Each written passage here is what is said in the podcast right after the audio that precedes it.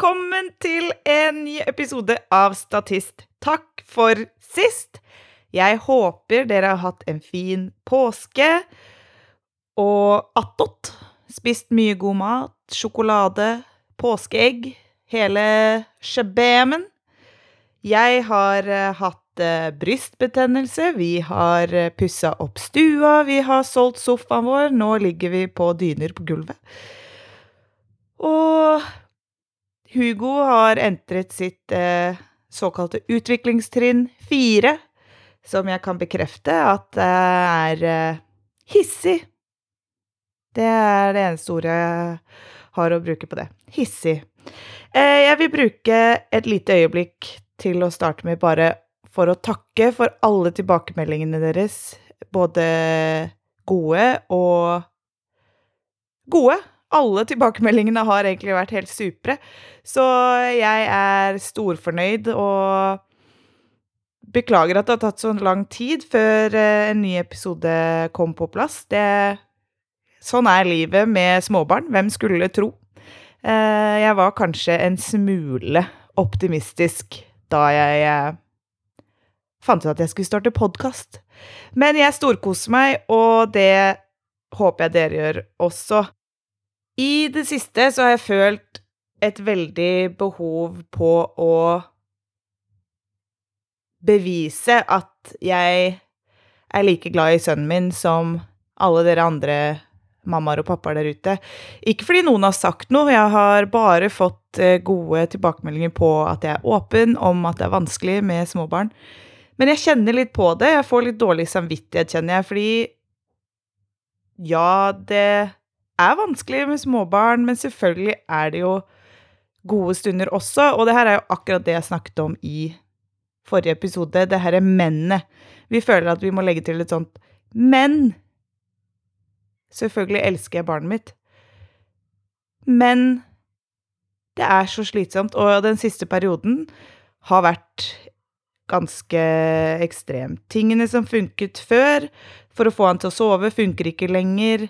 Han kaver mer. Sønnen min på fire måneder fikk to tenner da han var tre måneder. De skal ikke komme, de, før han er mellom seks og åtte måneder.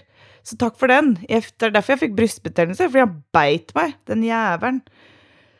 Men så klart elsker jeg sønnen min, og jeg vil bare ikke at det skal komme frem som at jeg klager, og at jeg ikke er fornøyd.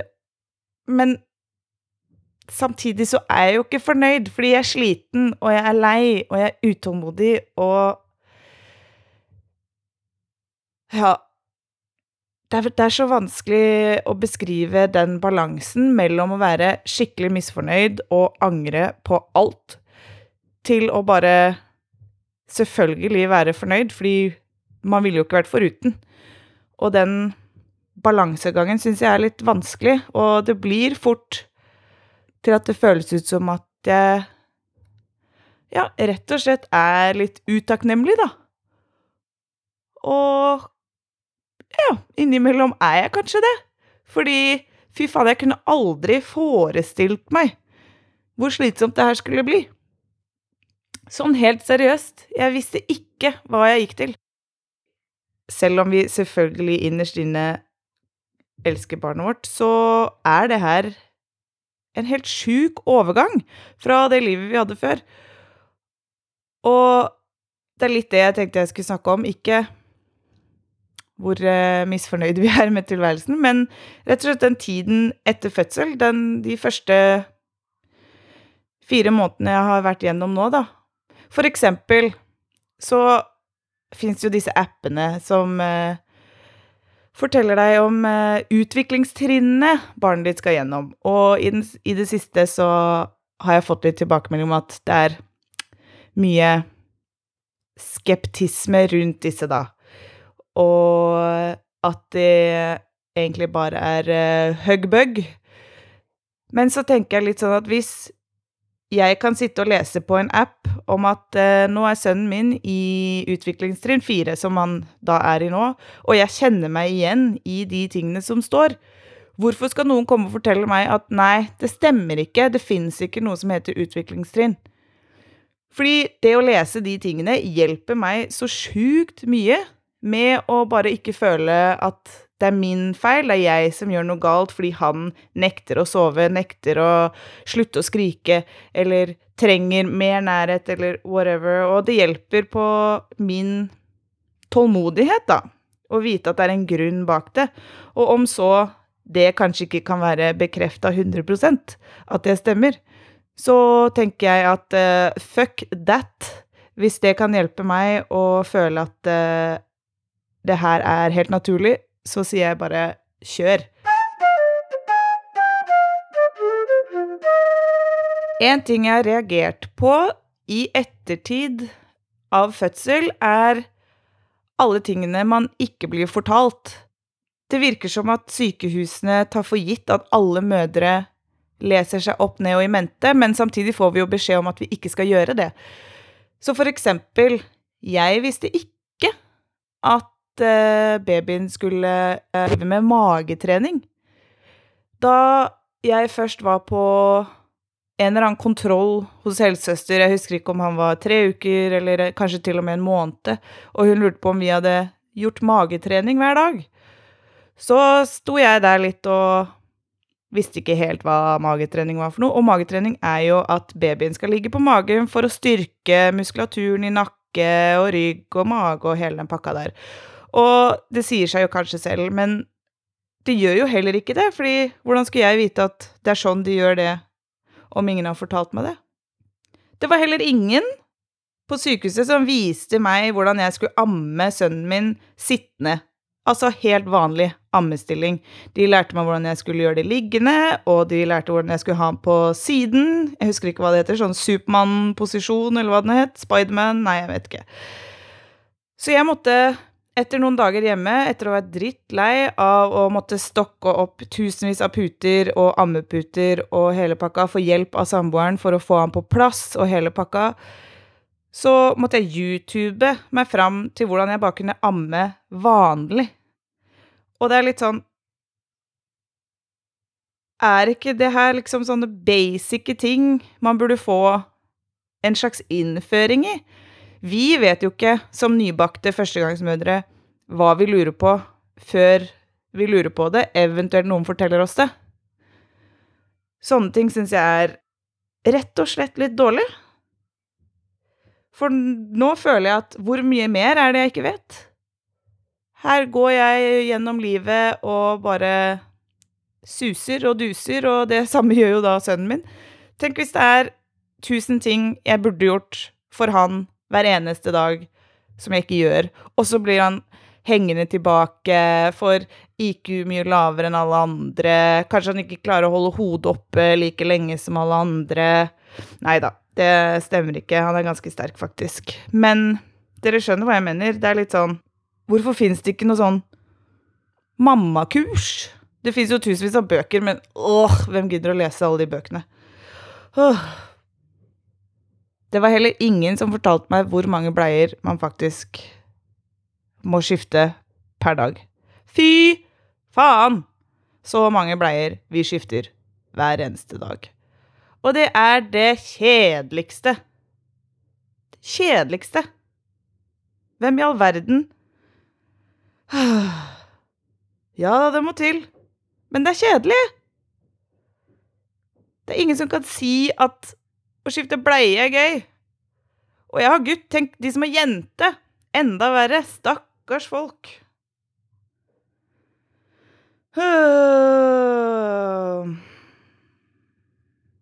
Og hvor tidkrevende alt er. Skal ligge på gulvet og leke, så må du gjøre noe annet for å leke.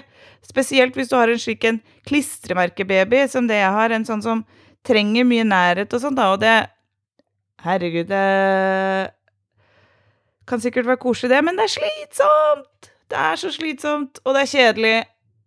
Fordi man får ingen tid for seg selv. Man får ingen tid for seg selv. Og det er litt kjedelig. Kjedelig! Det er det det er. Det er liksom ikke Du har ikke enten fotballfrue på den ene siden og fødselsdepresjon på den andre. Det er så mange spekter imellom der. Og kjedelig er et av dem. Men så er det jo det her man syns det er kjedelig, og man kanskje lengter ut i verden, og man lengter alenetid, og man lengter og lengter og lengter til det som var.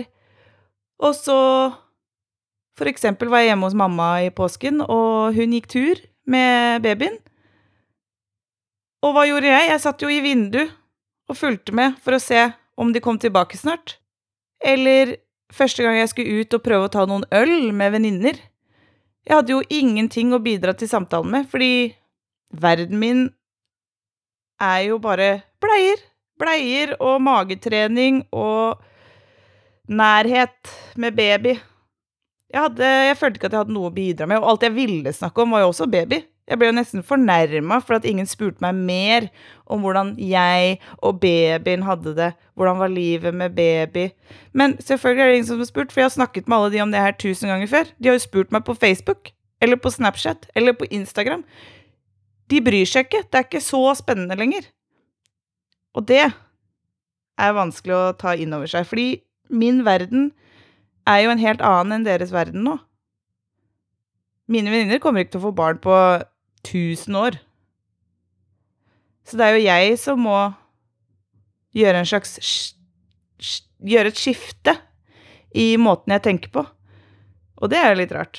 Jeg pleide å være Dere aner ikke, jeg pleide å være partydronninga. Jeg var på nach til klokka sju. Og nå drar jeg hjem halv elleve fordi jeg må rekke Mækkern før jeg drar hjem. Hmm. Livet er uh, annerledes, og det er det jeg sliter litt med i denne tiden etterpå. Å innfinne meg i at det kommer ikke til å bli det samme. Men som veldig mange også sier, det går jo over. Det går over, det går over, det går over. Det blir bedre, det blir lettere, og det er noe jeg bare holder så fast ved, fordi Fordi når man står i det, så er det jævlig slitsomt. Og Ja, det er jævlig slitsomt. Jeg har også slitt litt med denne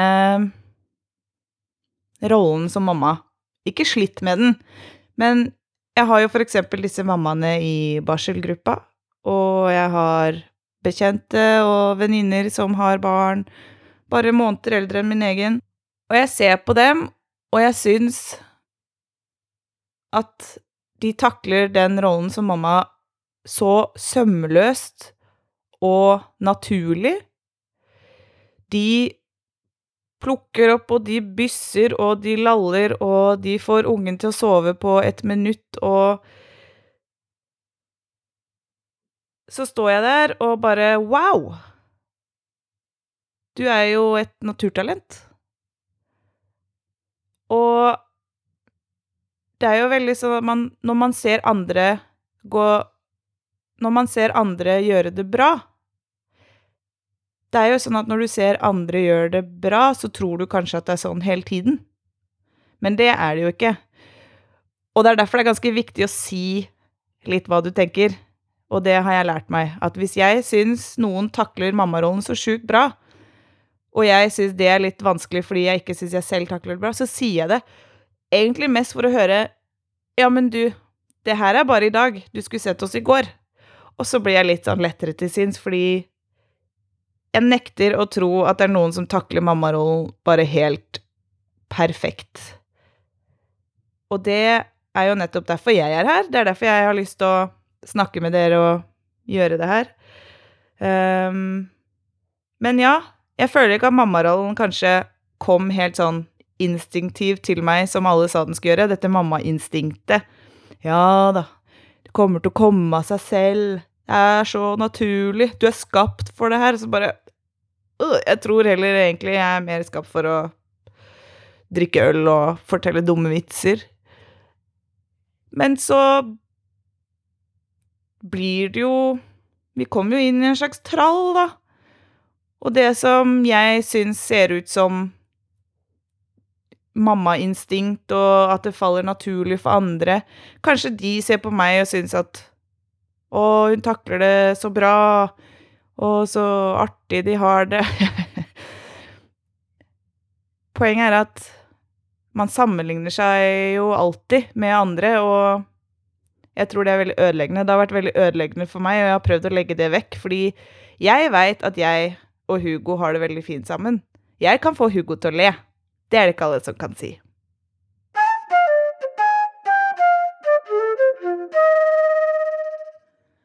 Kan vi bare snakke litt om kropp også? Fordi jeg trodde jo at etter fødsel så ville det største problemet være vekt. Gå ned i vekt, gå ned, komme tilbake til den vekta før eh, baby og komme seg inn i de gamle klærne og alt sånn, men altså, det er det minste problemet, og det bryr jeg meg så lite om. Har dere Har dere hørt om eh, eh, Åh, jeg vet ikke hva jeg skal er det, er det, Blir det litt for mye? Nei. Vet dere hva? Jeg har hemoroide. Der er det sagt. Det er ute i verden. Det er ikke kødd engang. Hemoroide. Det er som å føde på ny hver gang jeg må bæsje. Og jeg klarer ikke å få meg til å ringe til legen for å fikse det. Altså dra til legen og spre skinken og bare 'hei, hei'. Jeg kan ikke tenke meg noe verre. Da føder jeg faktisk heller på ny. Så Nei. Men nå har jeg funnet en, eh, en klinikk som spesialiserer seg på på analproblemer, rektumproblemer. Så tenker jeg skal ta meg en tur dit. Takk for meg. Det er Hilsen Karina og hemoroiden. Um, da veit dere det. Og så er det jo dette bekkenet. Jeg, eh, jeg, visste ikke at man kunne ha bekkenproblemer etter fødsel. Jeg trodde det var noe man kanskje hadde sånn på slutten av graviditeten, og så gikk det over av seg selv når ungen var ute. Men når jeg går lange turer og sånn, jeg får vondt, jeg, ass. Personlig hygiene. Jeg kan gå flere dager uten å vaske ansiktet. Det er ikke kødd engang. Gårsdagens sminke, gårsdagens deo, gårsdagens um, Gårsdagens morgenkåpe med gull på. Som noen sa til meg, er det bare gull på én side, så er den egentlig rein. Jeg skulle vært hos tannlegen for over fire måneder siden. To dager før uh, Hugo ble født, så mista jeg den ene krona i tanna mi, og har ennå ikke fiksa det. Det blir litt sånn Hverdagen bare tralter av gårde, da. Ingenting Ingenting annet enn den babyen er en prioritet lenger. Og sakte, men sikkert så bryr man seg jo kanskje litt mer, men samtidig så er vi ikke helt der ennå. Jeg prøver å minne meg selv på stadig vekk at det har bare gått fire måneder. Det er faktisk ikke så lang tid. En annen ting er at jeg føler meg jo så stygg og det er jo selvfølgelig en sammenheng med at jeg ikke kanskje tar så godt vare på meg selv som jeg burde. Men jeg tar meg selv i å eksempel se, se meg i speilet sammen med babyen, da, for det skal være veldig bra for deres sanseinntrykk og hele pakka. Nok en ting ingen fortalte meg at jeg burde gjøre. Og så ser jeg på meg selv, og så ser jeg på han, som er selvfølgelig verdens nydeligste. Og så ser jeg på meg selv og bare Æsj! Æsj! Og så prøver jeg å være realistisk og minne meg selv på at det her stemmer ikke. Du bare føler deg ræva, du er skitten, du har deo fra tre dager siden, du har ikke vaska ansiktet, og du har ikke dusja siden mandag, eller forrige mandag.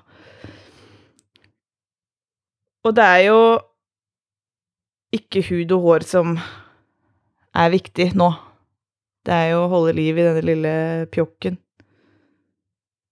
Det er uh, Alt er liksom sammenhenga. Jeg prøver å gå på kafeer og møte venner og sånne ting, og da har jeg liksom en grunn, da, til å komme meg i dusjen, vaske håret, gre det, ta på meg deo, altså hele den sulamitten. Men så blir man sliten av det òg. Men så vil man jo få dagene til å gå, for dagene hjemme i permisjon, de blir lange.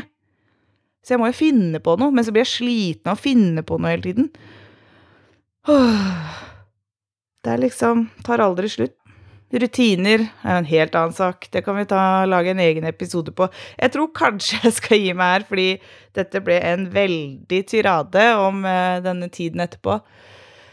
Jeg tror formålet mitt med hele denne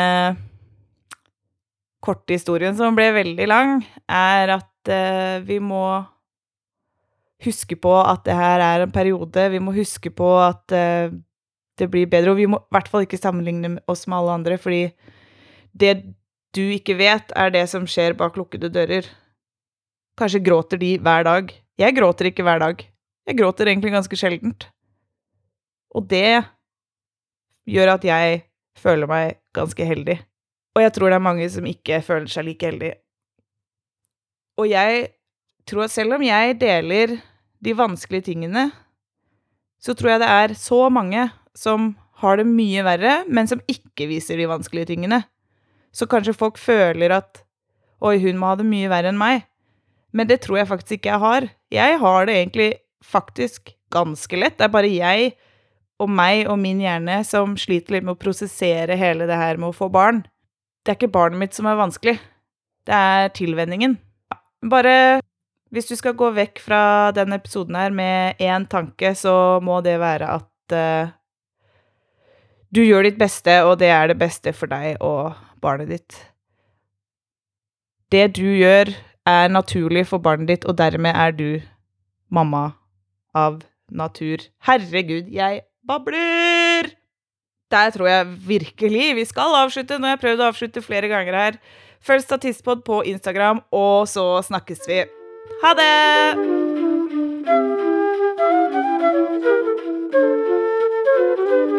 Música